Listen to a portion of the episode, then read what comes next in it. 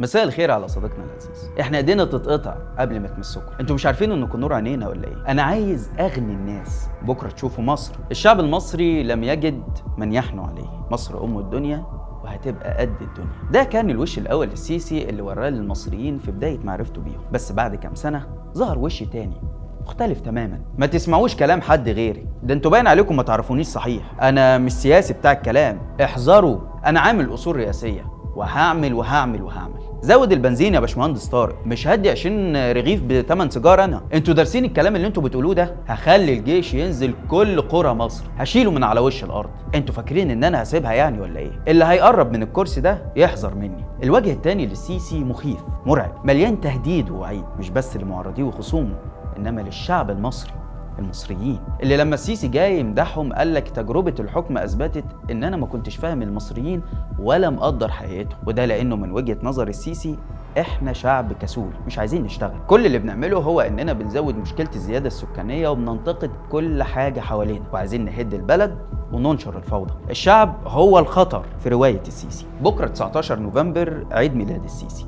وبالمناسبة دي قررت إن أنا أتكلم النهارده عن وجوه السيسي المختلفة. أو زي ما بيقول الأكاديميين كده تحليل الخطاب السياسي. يعني عايزين نشوف السيسي كان بيكلم المصريين إزاي ودلوقتي بقى بيكلمهم إزاي. كلامه عن الثورة عن مبارك ونظامه عن الإخوان لما كانوا في السلطة ولما خرجوا منها عن الجيش وباقي الوزارات عن إثيوبيا وسد النهضة. وأخيرا نظرته لنفسه. يا ترى بيشوف نفسه إزاي؟ كل ده هنحاول نعرفه معاكم في حلقة النهارده. أنا عبد الرحمن عمر وده برنامج الحكاية.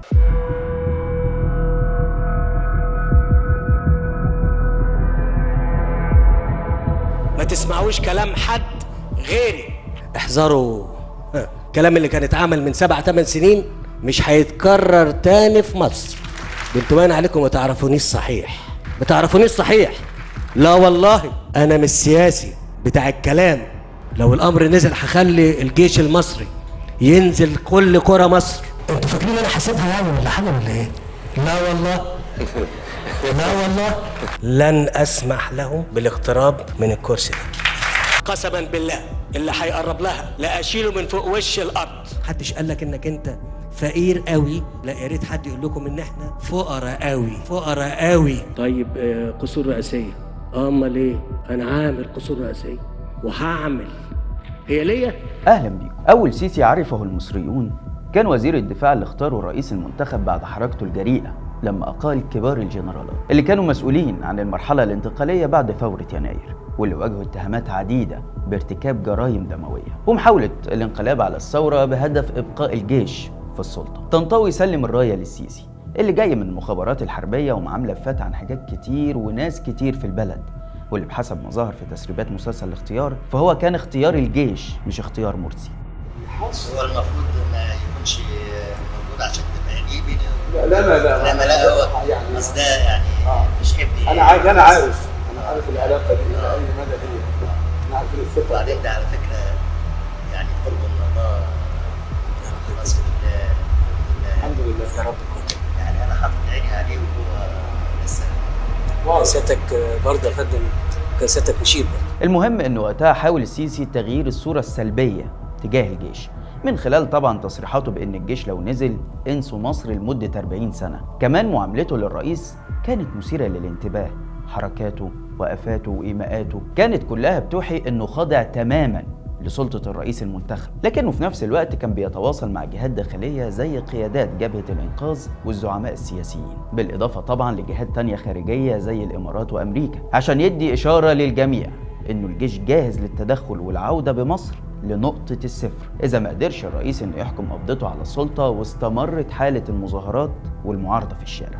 وبالفعل بدأ خطاب السيسي نفسه يتغير للمرة الأولى لما ظهر مع مجموعة من الفنانين وقال لهم إحنا إيدينا تتقطع قبل ما تمسكم في إشارة معناها الحقيقي إن الجيش هيقف مع معارضي الرئيس وده الخطاب اللي خلى حازم أبو إسماعيل يصف السيسي بأنه ممثل عاطفي. ويمكن الوصف ده هو السبب في إن الشيخ حازم يفضل معتقل لحد النهاردة.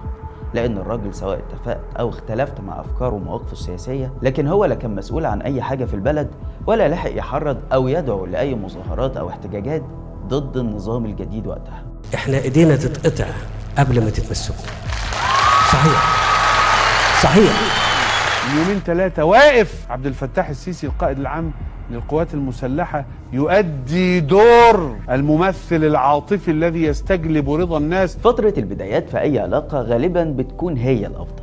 وعود وأحلام وأماني هدفها بناء الثقة والحب بين الطرفين. بس بعد كده الله أعلم العلاقة بتروح لفين. وياما علاقات بدأت بقصة حب وانتهت في محكمة الأسرة. وده يمكن التشبيه الأمثل لقصة مصر مع السيسي. العلاقة اللي بدأت بكلام عاطفي زي أنتوا نور عينينا ووعود بالحنان اللي ما لقيناهوش مع الحكام السابقين وأحلام بإن مصر دي هتبقى قد الدنيا. يعني حاجة كبيرة قوي وحلوة قوي. بس الكلام ده سرعان ما اختفى مع أول مشكلة والثقة اللي كانت موجودة بدأت تتهز واحدة واحدة. لغاية ما انهارت مع قرارات الصب في المصلحة والحفر على الناشف. ما هو صعب برضو الحب يستمر مع إجراءات زي رفع الدعم وغلاء الأسعار وتعويم الجنيه. بينما في الناحية التانية المصريين شايفين مليارات الجنيهات بتتصرف على عاصمة جديدة وأصول رئاسية وطيارات وصفقات أسلحة وغيرها كتير. أنتوا مش عارفين إن أنتوا نور عينينا ولا إيه؟ صحيح. يتقال إن ده حكم عسكر. لا والله ما حكم عسكر. ولا في أي رغبة ولا إرادة لحكم مصر. هقول تعبير صعب جدا. جدا.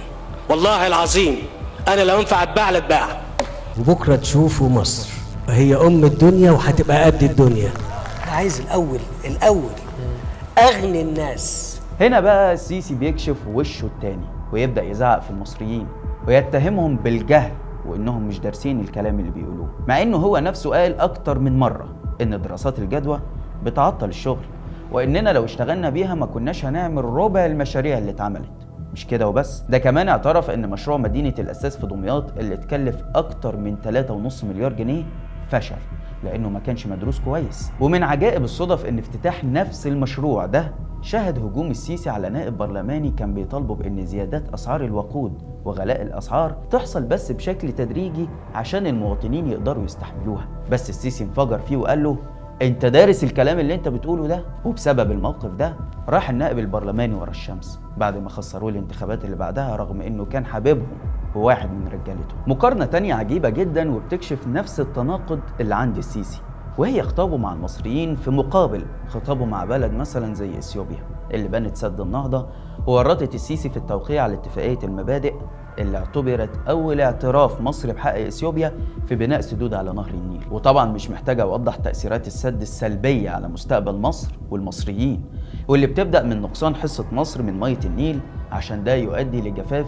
2 مليون فدان يعني حوالي ربع مساحة مصر الزراعية. وبالتالي تشريد ملايين الفلاحين اللي الحكومة المصرية بتعتقد إنهم مش هيكون قدامهم غير اللجوء. للهجرة غير الشرعية أو التطرف والإرهاب. وده بنص كلام وزير الري السابق محمد عبد العاطي. تخيل إن مصر اللي عندها نهر النيل بتعاني ولسه هتعاني أكتر من أزمة جفاف وعطش. المليون دولت اللي هم هيبقوا من غير مصدر دخل هيعملوا إيه؟ في كذا احتمال، احتمال إن هو يعمل لك مشاكل داخلية. وارد، احتمال إن هو يبقى لقمة سهلة يتعمل له غسيل مخ من الجماعات اياه الإرهابية، ماشي؟ يقول له بقى إيه؟ الحق. روح جاهد علشان أنت دولت اللي قطعوا عنك الميه. الاحتمال الثالث إن هو يقول لك يا عم لا ده أنا هشيل شنطتي وههاجر على أوروبا. السيسي في كلامه مع الإثيوبيين بيرجع للوش الأولاني وتلاقيه كده يبدأ يكرر جملة الأشقاء في إثيوبيا ويقول لهم كونوا مطمئنين تماما وإحنا مع حق الأشقاء في التنمية ويتكلم عن مصطلحات زي التفاهم والتعاون والثقة والمحبة بل ويوجه كلامه للمصريين ويقول لهم إن الإثيوبيين عايزين يعيشوا وإنهم اكدوا لنا إنهم مش هيضرونا. والتأكيد ده مش لازم يتكرر كل شوية. يعني بدل ما يستغل الضغط الشعبي عشان ينسحب مثلا من اتفاقية المبادئ اللي هو نفسه اتهم إثيوبيا بعد كده بعدم الالتزام بيها لا. هو بيهاجمنا إحنا وبيطالبنا بالهدوء وعدم القلق. ويقول لك هو أنا ضيعتكم قبل كده عشان أضيعكم تاني؟ وفي الآخر تلاقيه جايب أبي أحمد وبيقول له قول والله والله. ده طبعا غير كلامه عن أمن وسلامة المواطن الإسرائيلي. ودعوته للسلام مع أولاد العم. حقبة من التعاون والمحبة والثقة. إحنا قلنا إن إحنا بنتفهم إن هم هم عايزين يعيشوا زي ما إحنا عايزين نعيش. وكمان هم أكدوا لنا والت- والتأكيد هنا مش لازم يتكرر كل شوية. والله والله. والله والله. لن نقوم بأي ضرر. لن نقوم؟ نقوم بأي ضرر. لن نقوم بأي درع للمياه في مصر. للمياه في؟ مصر. مصر. أنا ما ضيعتكمش قبل كده عشان اضيعكم تاني. أمن أمن وسلامة المواطن الإسرائيلي. جنبا إلى جنب مع أمن وسلامة المواطن الإسرائيلي. قارن بقى بين كلام السيسي مع الإثيوبيين اللي هيقطعوا المية عننا والإسرائيليين اللي قتلوا ولادنا ومحتلين فلسطين والمسجد الأقصى وبين كلامه مع معارضيه المصريين. هل عمرك شفته بيدعوهم للتفاهم والوصول لاتفاق؟ أو بيدور على مصلحتهم وأمنهم وسلامتهم؟ بعيدا طبعا عن قصة الحوار الوطني ولجنة العفو الرئاسي اللي جهودهم مشكورة فيما يتعلق بمنح أي معتقل سياسي حريته والمساهمة في تخفيف معاناة آلاف المصريين. بس في النهاية إحنا عارفين إن دي مجرد مناورة من النظام عشان نحسن صورتنا قدام الخواجة الأمريكاني. والدليل على كده إن دي أول حاجة السيسي قالها لبايدن أول ما قابله في قمة المناخ من غير ما يستنى حتى بايدن يسأله. إحنا أطلقنا استراتيجية لحقوق الإنسان في مصر. ثم أطلقنا مبادرة للحوار الوطني في إبريل من هذا العام. وكانت مصاحبة ليها لجنة للعفو الرئاسي. تقوم بمتابعة القضايا المختلفة والقوائم اللي بيتم تقديمها بيتم آه، يعني التوقيع والتصديق عليها. أما غير كده بقى فكلام السيسي عن معارضيه مليان بكلام كده من نوعية أنا مش سياسي هشيله من على وش الأرض. أنتوا فاكرين ان أنا هسيبها يعني ولا إيه؟ مش هسمح لحد يقرب من الكرسي. والتناقض ده بيفكرني بكلمة لجمال حمدان في كتاب شخصية مصر بيقول فيها كانت مصر مجتمعا مدنيا يحكمه العسكريون كأمر عادي في الداخل. وبالتالي كانت وظيفة الجيش الحكم أكثر من الحرب ووظيفة الشعب التبعية أكثر من الحكم. وفي ظل هذا الوضع الشاذ المقلوب كثيرا ما كان الحكم الغاصب يحل مشكلة الأخطار الخارجية والغزو بالحل السياسي. وأخطار الحكم الداخلية بالحل العسكري أي أنه كان يمارس الحل السياسي مع الأعداء والغزاة في الخارج والحل العسكري مع الشعب في الداخل. فكانت دولة الطغيان كالقاعدة العامة استسلامية أمام الغزاة بوليسية على الشعب. نفس التناقض ده هتلاقيه مع قطر اللي لما كنا مقاطعينها ما كانتش تقدر على مصروف مصر وكان بيعايرها بأنها بلد صغيرة. وبيتهمها ضمنا إنها بتدعم الإرهاب. ده غير الإعلام اللي ما سابش شتيمة لأمير قطر ولا للأسرة الحاكمة هناك غير ورددها. بس أول ما تمت المصالحة وبقينا محتاجين فلوسهم فجأة بقت دولة شقيقة. وبقت مصر ترحب بالأمير تميم واستثمارات الصندوق السيادي القطري اللي حط مليار دولار في البنك المركزي ضمن صفقة لبيع أصول حكومية بقيمة 2.5 مليار دولار. كمان لما تيجي سيرة الثورة تبقى هي اللي عرت كتف البلد وكشفت ظهرها و2011 كانت شهادة وفاة. الدولة المصرية. واوعى تنسوا يا مصريين والبلد اللي بتروح ما بترجعش. ولا عايزيننا نبقى زي سوريا والعراق. مع إنه هو نفسه برضه اللي بيقول على مبارك إنه ساب شبه دولة أو دولة كهنة. ده غير إنه لما بيتضايق من ظهور جمال مبارك مثلا بيقوم قالب على عصر أبوه. ويقول أنا كنت مدير مخابرات وعندي كل الملفات بتاع الناس دي. في تناقض عجيب بصراحة مع التصالح اللي عمله مع كل رجال مبارك. واللي خرجوا بسببه من السجن ورجعوا تاني يلعبوا أدوار مهمة في السياسة والاقتصاد. وبقوا شركاء للسيسي في السلطة. في وش مختلف السيسي بيلبسه في كلامه مع المصريين بس وقت الأزمات أو وقت لما الناس بتكون جايبة آخرها. هو شبه الوش الأولاني كده بس في سنة اختلاف. مثلا تلاقيه بيقول بقى ابن 3 7 تعملوا فيه كده. بقى آجي عايز أخرجكم من العوز وأخليكم أمة ذات شأن تقوموا تعملوا هاشتاج ارحل يا سيسي. أزعل ولا ما أزعلش؟ كانوا بيقولوا لي إن أنت الأيقونة بتاعتنا. أنت البطل. هو البطل خلاص بقى ولا إيه؟ وهنا السيسي بيستعطف المصريين. وبيفكرهم بأيام الحب الأولانية. وكأنه بيطلب منهم يستحملوه شوية يسامحوه على اللي بيعملوا فيهم أو من زاوية تانية كأنه بيعايرهم أو بيفكرهم بفضله عليهم. وده شبه كلامه الغريب لما قال إنه أنقذ المصريين من إنهم يتدبحوا في الشوارع. بقى ابن مصر اللي في 3 7 يقف ويقدم نفسه جيش وأولاده ويمكن أحفاده. تعملوا في كده. لما هاجي عايز اخرجكم من العوز واخليكم امه ذات شأن بفضل الله سبحانه وتعالى. تعملوا هاشتاج ارحل يا سيسي. ازعل ولا ما ازعلش؟ في دي ازعل. انت الايقونة بتاعتنا انت البطل.